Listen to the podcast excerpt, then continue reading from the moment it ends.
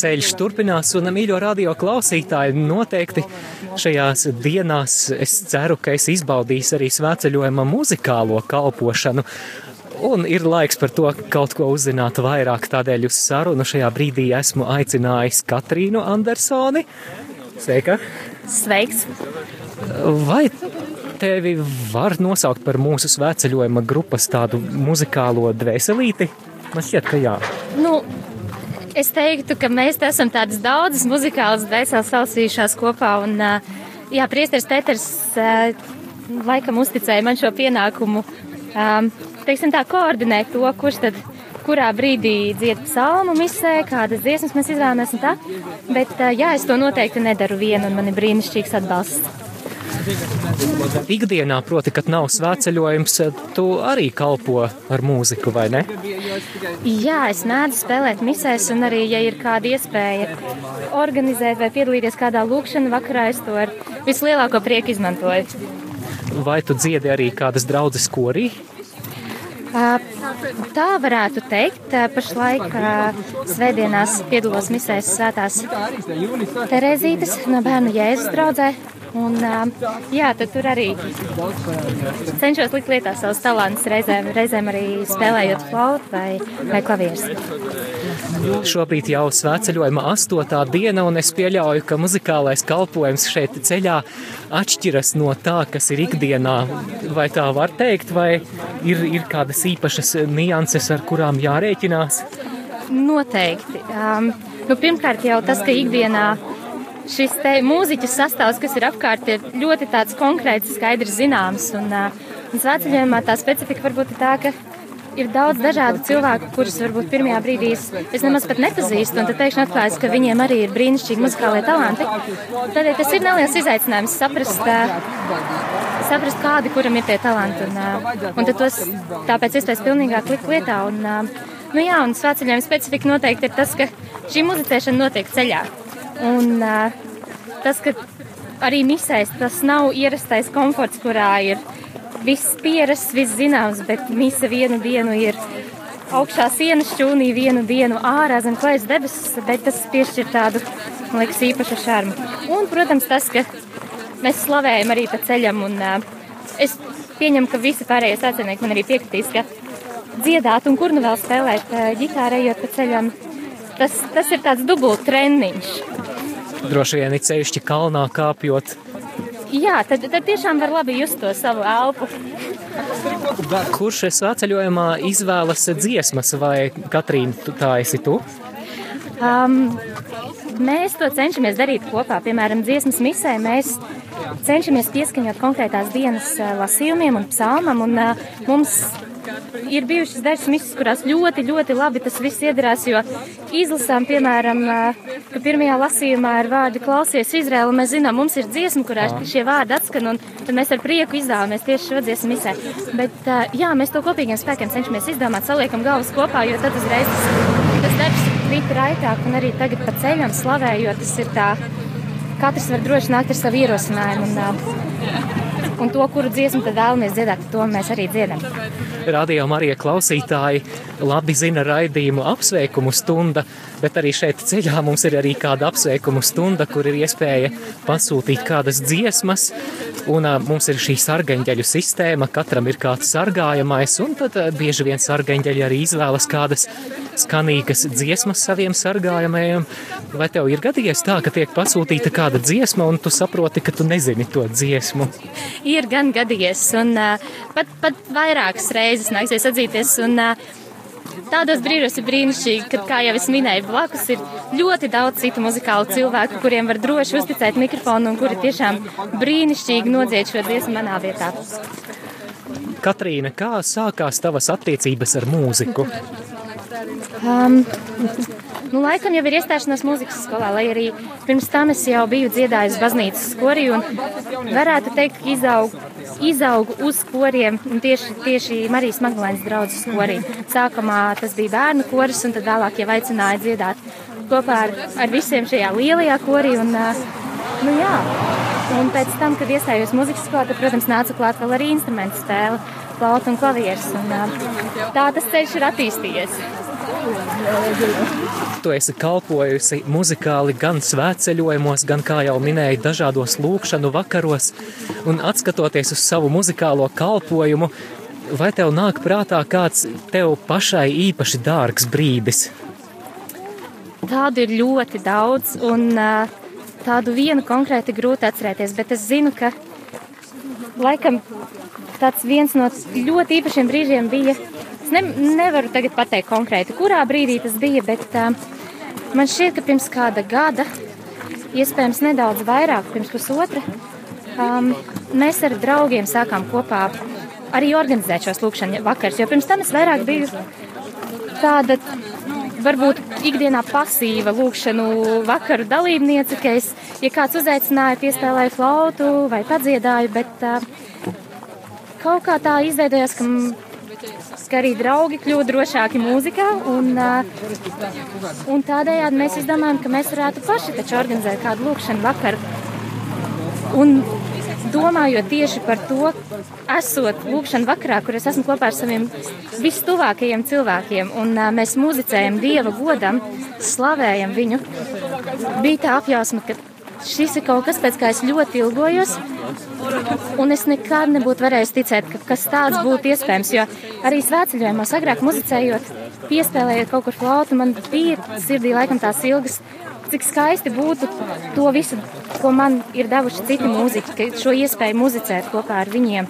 Slavēt Dievu, ka es to varētu dot tālāk un ka nu, ka nevajadzētu gaidīt, kad kāds cits kaut ko organizē, bet ka mēs paši to varētu darīt. Un, nu, jā, tā, tā apziņa tieši, ka kaut kas tāds, uz ko es pat neesmu cerējusi, kas pārsniedz visas manas ilgas un sapņus, ir piepildījies un ir reāls. Nu, tas tiešām silda sirdi un piepilda ar prieku. Katrīna, es tev jau esmu to stāstījis, bet arī, arī klausītājiem pastāstīšu par manu mīļāko brīdi Aglonas svētkos pirms gada. Pēc visiem dienas darbiem, kā jau rādījā Marija darbiniekam, tur bija dažādas intervijas un skaņas apstrādes darbi. Tādā dienas nogurumā pirms gulētiešanas es nolēmu aiziet uz eh, sakrālo laukumu, un eh, tuvojoties es dzirdu, ka skaista mūzika skan, tad, tad es skatos, ka bazilikas uh, kreisajā pusē ir tāda neliela skatuvīte, un tur jaunieši mm, tavā vadībā dzied, muzicē, un es vienkārši apsēdos. Nu, tiešām es baudīju to dieva klātbūtni. Tas bija tāds kā medus manai drēselē. Paldies tev par šādu kalpošanu, un tāpēc es gribēju jautāt, vai arī šogad kādā brīdī Aglonā tu un tavi draugi varbūt kalposiet ar mūziku. Nu, pirmkārt, mīļš, paldies par, par šiem vārdiem. Tie tiešām ceļ un, uh, un pilda ar prieku.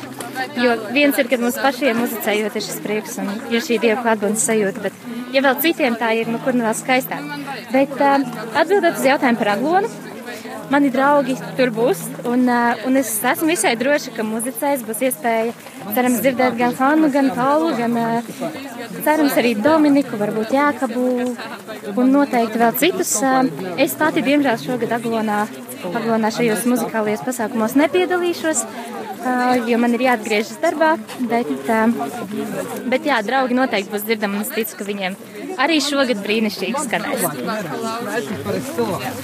Un kā sākās tavas attiecības, tava draudzība ar Dievu? Vai tas jau tev ir kopš bērnības vai vēlāk? Kādā dzīves posmā tu saņēmi ticību? Nu, tā tīri teorētiski varētu teikt, ka es esmu dzimusi augusta katola. Un, tā ticība vienmēr ir bijusi klātesoša dzīvē. Bet līdz kādam laikam tā bija tāda savā ziņā pasīva, neapzināta. Jā, gājām sēdienās uz baznīcu, un es zinu, ka vecāki lūdzās, un arī viņas dzīves piemērs liecināja par Dievu, bet, bet es pati nebiju aktīva tajā visā iekšā, un šī, šīs attiecības ar Dievu bija visai tāls un formāls. Bet, tādas tuvākas attiecības un, un pilnīgi cits skats uz ticības lietām radās līdz ar svētceļojumiem. Mans pirmais svētceļojums bija pirms 11 gadiem. Un, uh, Un tas pavēra pavisam citu pasauli, jo es biju pieradusi pie klasiskās tradicionālās misas, kas notiek baznīcā ar kori ar ērģelēm. Un pēkšņi svētceļojumā, kad mēs ejam pa lauku ceļu, mēs dziedam slavas dziesmas dievam, ir ģitāra, mēs lūdzamies ļoti daudz dažādu lūkšanu, kuras es nezināju, ka ir tādas stundu dziesmas, ka ir laudas un vesteras. Un, Tas ļoti izmainīja šo skatienu un arī visas cilvēku liecības. Un tad radās tā sajūta, ka baznīca ir kas daudz plašāks un ka ticība ir kas daudz plašāks par to vienu svētdienas misi.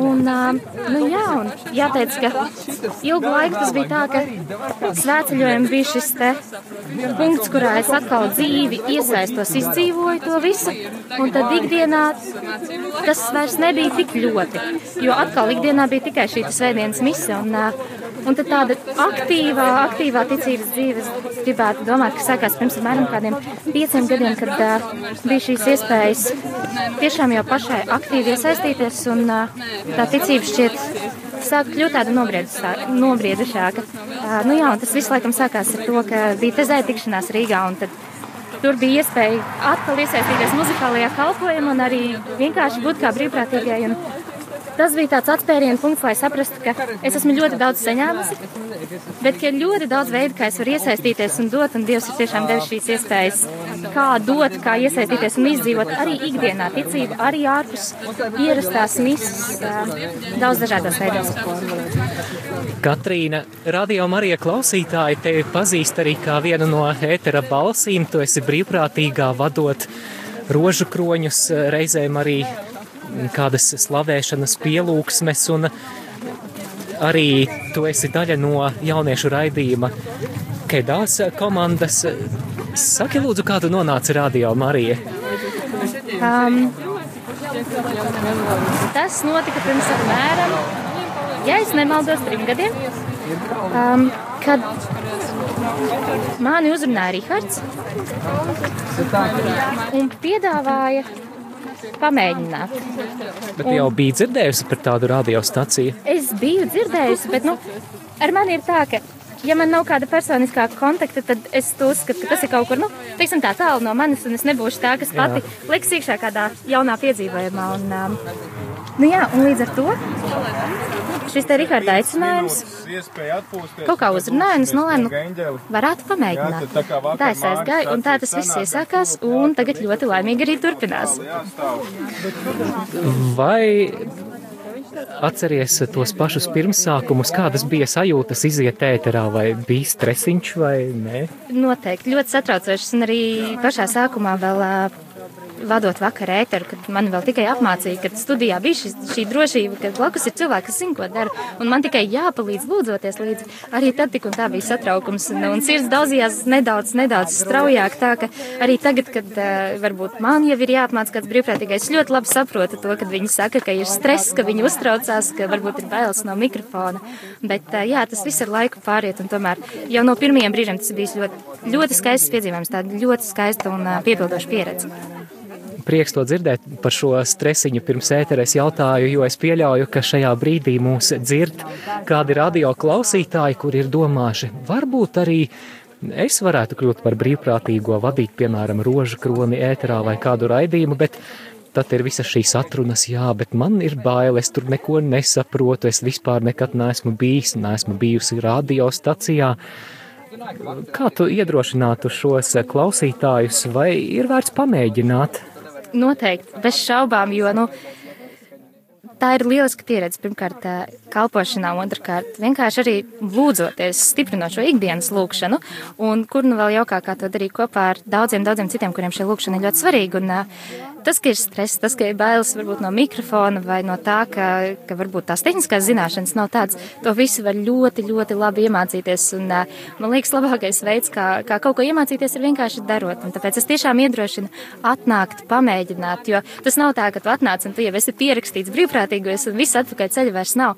Tiešām var droši atnākt kādu, kādu vakaru vai rītu vai vienkārši sarunāt kādu laiku, paskatīties un, un ja tas uzrunā, tad, tad mierīgi to to droši turpināt.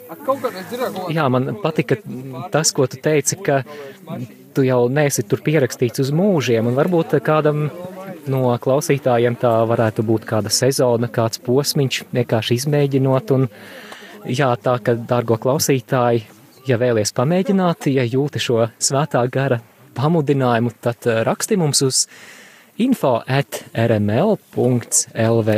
Priecāsimies ar tevi sazināties. Un šīs sarunas noslēgumā Katrīna, ko tu novēlētu mūsu radio svēceļniekiem, kuru ir daudz, kuri mūs klausās visos Latvijas novados un arī ārpus Latvijas internetā? Um, nu, pirmkārt, laikam, novēlētu tiešām censties izdzīvot šo ceļu pēc iespējas pilnīgāk kopā ar mums. Un šo iespēju ir daudz gan tiešajā ēterā, gan arī, gan arī arhīvi ierakstos. Un vēl kāda ideja, ko man patiesībā, kas nav gluži man, ko man pateica kāds no sāciennieka grupas dalībniekiem, ja nemaldos Linda. Um, Iesaku atrast laiku klusumam, jo arī mums ir šī brīnišķīgā iespēja, ejot uh, pa ceļam, ir klusuma stundas, vai nu reizēm nedaudz īsāk šis laiks ir, bet pabūt tiešām klusumā, lai mēs ne tikai klausāmies lūkšanu vārdos, bet lai mēs ieklausāmies arī pašām dievā. Paldies par sarunu, Katrīna. Dargie klausītāji, jūs dzirdējāt interviju ar Katrīnu Andersoni, mūsu muzikālo vadītāju šeit svētceļojumā, un arī rādījām arī brīvprātīgu un vienkārši brīnišķīgu cilvēku, un ar viņu sarunājos es Māris Veliks.